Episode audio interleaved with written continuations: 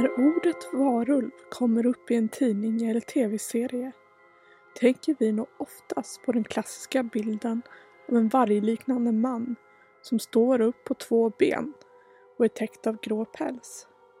Med dess sylvassa tänder och gula ögon som lyser i ljuset av fullmånen på jakt efter mänskligt kött och blod. Och trots det påstådda mytologiska varelsens nutida populariserande i serier som Teen Wolf, Being Human och i filmer som Harry Potter och Twilight. Så går historien och legenderna om människor som sägs ha kunnat byta form och förvandlas till vargar eller vargliknande bestar och andra djur långt tillbaka i historien.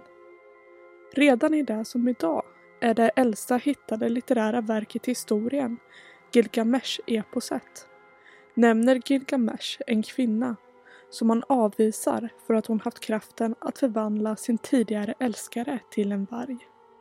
Och i antikens Grekland och senare romarriket ska vargliknande människor inte bara dykt upp i mytologin utan även enligt vissa ögonvittnen klart och tydligt framför dem i verkligheten. Jag är Gustav Passion och detta är en blodig historia. Det är en tidig morgon, någon gång på hundratalet före Kristus i romarriket. Fullmånen har ännu inte hunnit släckas av solens första strålar. En före detta slav vid namn Nikoros reser i sällskap med en soldat. De är på väg till Nikoros älskarinna Melissa och den före detta slaven är på ett strålande humör. En begravningsplats tonar upp sig framför dem men Nikoros är inte rädd eller blir något som helst modfälld. Istället räknar han gravarna medan de två passerar dem. Men plötsligt stannar både han och soldaten tvärt. Nikoros märker att hans reskamrat börjar bete sig märkligt. Han tar av sig sin rustning och sina kläder och ställer sig sedan och kissar som en ring runt dem där de ligger runt honom på marken. Och plötsligt börjar soldaten att förändras. Hans öron får päls och en svans börjar växa ut från hans baksida. Hans mun blir större och sylvassa tänder tränger fram mitt framför ögonen på Nikoros. Förvandlas soldaten till en varg som med ett högt ylande springer in i den skog som ligger nära. Hans kläder upptäcker den stackars chockade Nikoros har blivit i stenar och han drar sitt svärd och ränner efter vargen som har tagit riktning mot han älskarinnas Melissas hus. Väl där ska han inte ha skadat Melissa men har bitit ihjäl hennes får. En av Melissas slavar träffar vargen i nacken innan den ylande flyr från huset. När Nikolos inser att han har att göra med en varulv springer han tillbaka till begravningsplatsen med svärdet redo för strid. Men hittar varken vargen eller kläderna. Bara en blodfläck där kläderna förut låg. Nästa gång Nikoros återser soldaten ligger han i sin egen säng och får sin nacke behandlad av en helare. Han har återfått sin människoskepnad, men såret från natten finns kvar. Denna historia finns bevarad i en bok av författaren Petronius som dog cirka 66 efter Kristus.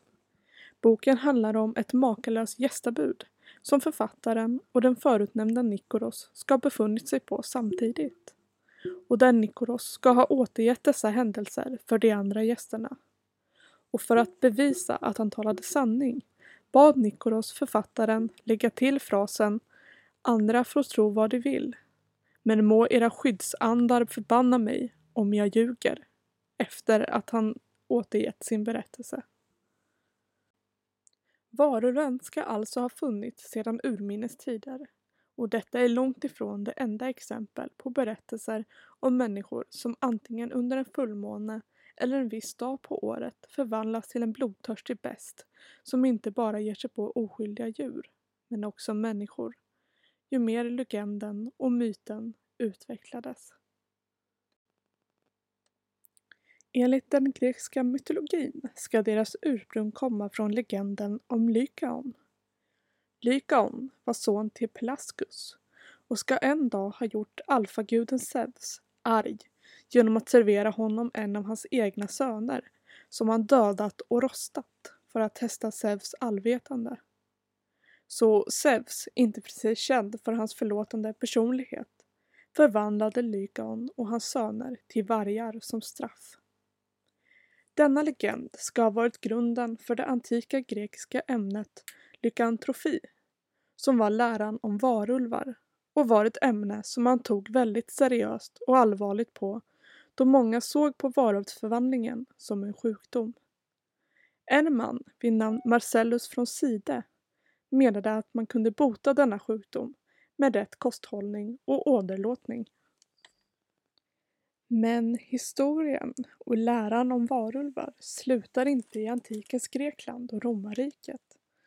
På vikingatiden här i Norden, på 1200-talet, skrev Snorre Sturlason om en slags krigare som var orädda, outtröttliga och som galna under pågående slag. Dessa krigare ska liknas vid berserker, krigare som hade förmågan att ta kraft ifrån det björnskinn de bar och skifta hamn så att de blev ostoppbara på slagfältet. Likadant var det med den typen krigare Snorre beskrev och namngav som Odens ulvhedar, varulvskrigare. Istället för brynja skyddade sig med tjocka vargpälsar och ska mitt under stridens hetta skiftat mellan människo och varmform. Under samma tid ska även historier ha spridit sig till och från det medeltida England då Gerald of Wales, som levde på 1100-talet, återger i detalj hur han ska varit ute och gått och stött på en präst som svort dyrt och heligt att han precis botat en varulvshona från den förbannelse och magi vissa trodde var inblandat i förvandlingen och räddat den unga kvinnans liv. I takt med att legenderna och folktron på de håriga varelserna spred sig eller muterade in i nya varelser och myter från olika länders perspektiv och historia spred sig också, som det nästan alltid gör, rädslan för det okända och ondskan som följer med vanföreställningar om saker man inte förstår.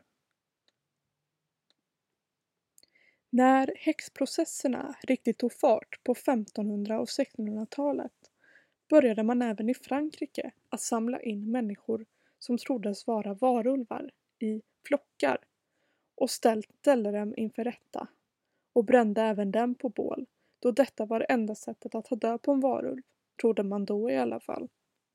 Men detta var inte så inhumant som man kan tro. Då det faktiskt var åtminstone tre av dessa som fångades som påstådde sig vara riktiga varulvar. Men vad vi idag skulle kalla seriemördare och kannibaler. Två av dessa män hette Pierre Bourgault och Michael Verdun och ska ha 1521 erkänt mord och kannibalism på flera barn i deras hemby. De ska ha sålt sina själar till djävulen och i utbyte fått en salva som ska ha förvandlat dem till vargar. Och så var det ju Gil Garnier, eller som han också kallades, The Werewolf of Doyle. Garnier ska någon gång under 1560 till 1570 ha levt i den lilla staden Dole i Frankrike. Han ska ha varit en enstöring som höll sig för sig själv och var inte särskilt omtyckt. Någon gång under dessa år ska han ha gift sig och då isoleringen inte förberett honom på att plötsligt ha två munnar att mätta blev resultatet fasansfullt. Barn började försvinna från staden och hittades dagar senare stympade och illa tilltyglade. Stadens överhuvud kom till slutsatsen att en varulv måste vara i farten och gav befolkningen tillåtelse att jaga odjuret. En grupp män ska några dagar senare ha trott sig hittat odjuret, hukad och ätandes på ett lik. Men de kom närmare kände de igen Gil Garnier och fångade in honom på fläcken. Under rättegången ska Garnier ha erkänt strypande och kannibalism utfört på fyra barn men menat att han också fått en salva av en demon som förändrat och gett honom ett ohämmat begär att mörda och äta barn. Ibland tog han även med sig en del av bytet hem till sin fru. Han förklarades skyldig för att ha utfört lykantropi och häxkonster och brändes även han på bål. Så var det inte alla som dömdes som varulvar som faktiskt gjort något brott. I likhet med häxprocesserna förekom det en hel del falska och påhittade vittnesmål från vittnen som kanske ville röja någon de inte tyckte om ur vägen. Men så var det ju de här tre och ett par till som Peter Stubb, the Bedburg Werewolf, som påstod sig förvandlas till varulv varje natt och ska ha dödat fler, flera bybor innan han fångades av en jägare som ska ha svurit på att han sett Peter förvandlas framför hans egna ögon. Det som sticker ut av alla dessa påstådda varulvar är att de ska framförallt mördat på nätterna, förvandlas till vargar eller någon slags hybrid mittemellan och ätit rått människokött. Varför vet man fortfarande inte om de var psykopater med vanföreställningar som försökte manipulera människors rädsla för det okända till sin fördel. Om de var drog eller alkoholpåverkade eller helt enkelt kallblodiga mördare som dragit nytta av tidens fokus på magi och djävulsdyrkande. Så kan man också se det ur de vidskepliga människornas perspektiv. De som febrilt letade efter en förklaring på det hemska som skett och skedde upprepade gånger innan, under och efter häxprocesserna och kom fram till förklaringen att det bara kunde handla om en övernaturlig varelse täckt av hår och i maskopi med djävulen och demoner. Detta var enklare än att konfronteras med den mer faktiska sanningen om de påstådda varulvarnas mänskliga, naturliga ondska. Och efter varulvsbränningarna, som ska ha skapat uppmärksamhet, inte bara i Frankrike, utan runt om i Europa, så ska varulven mer och mer kommit in som ett skräckinjagande element i populärkulturen och den då växande gotiska skräckgenren som växte fram på 1700 och 1800-talet i Europa. Där, i likhet med Dracula, vars ursprung och legend också gick tillbaka flera decennier, ska ha skrivits flera böcker med en varulv i huvudrollen. Innan hade man inte sett farulven och dess förvandling som någonting att riktigt fascineras över.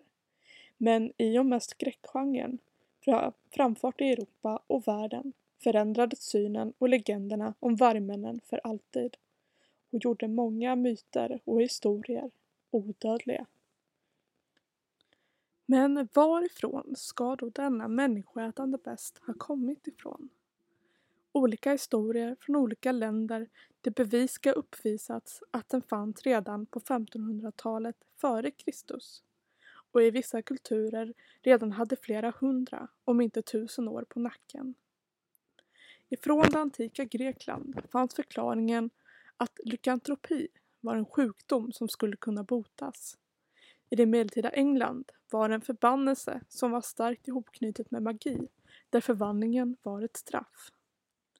Och nu i Frankrike ska de anklagade varulvarna ha stått i maskopi med djävulen och demoner.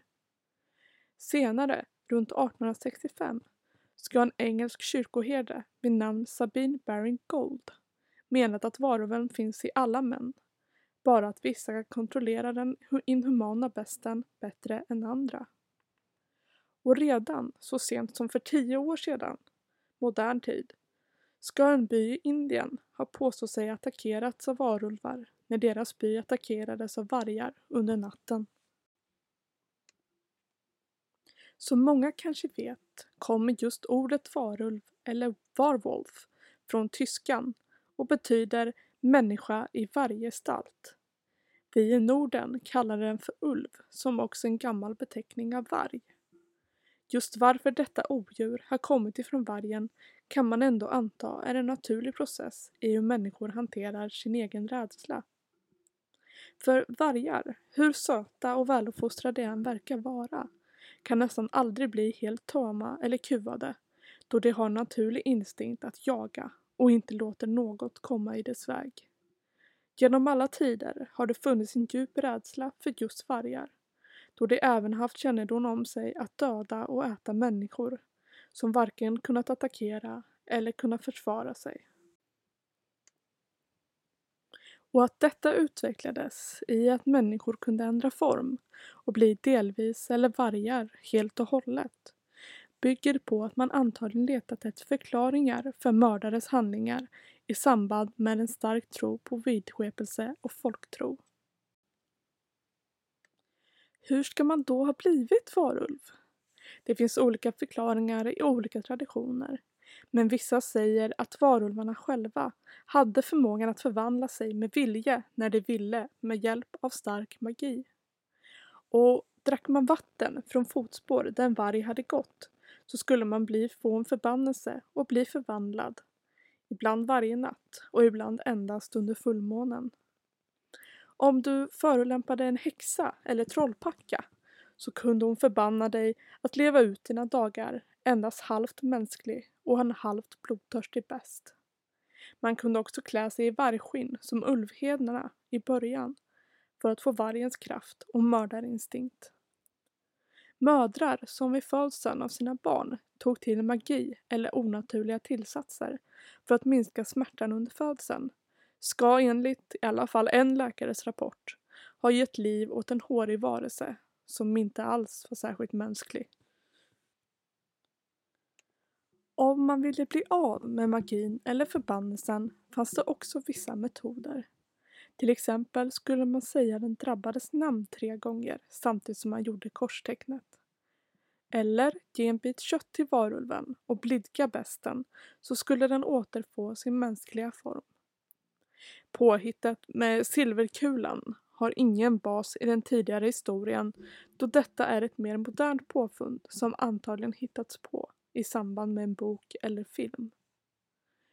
Många av de som pekas ut som varulvar av historien kan också haft sjukdomen hypertrikos som är en sjukdom som skapar ökad behåring i ansiktet och resten av kroppen och kan liknas vid päls. Om varulvar finns på riktigt, det kan ingen med säkerhet säga. Men tron på varulvar lever nästan lika starkt idag som den gjorde för över 2000 år sedan. Och historierna som skrivits ner och dokumenterats är både fascinerande och skrämmande.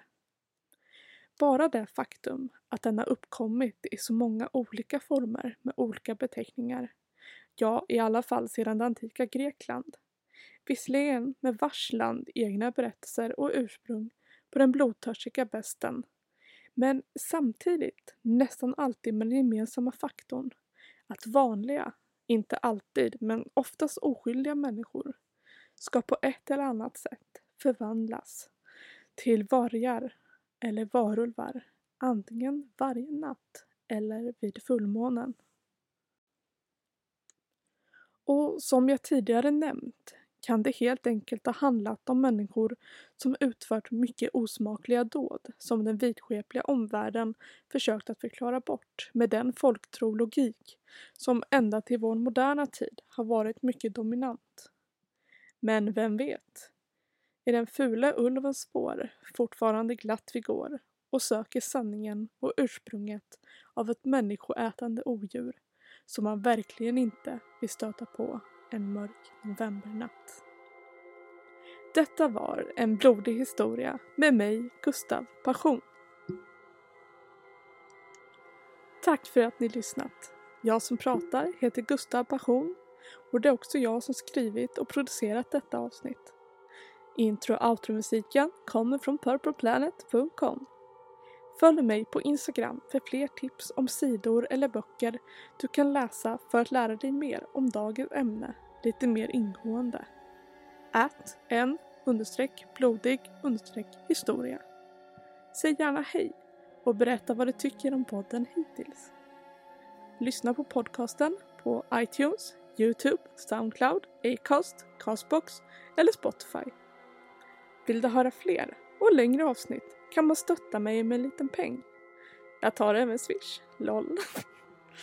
På ko eh, fi.com eh, överstreck en blodig historia med Gustav Passion. Önskar er en fortsatt trevlig november.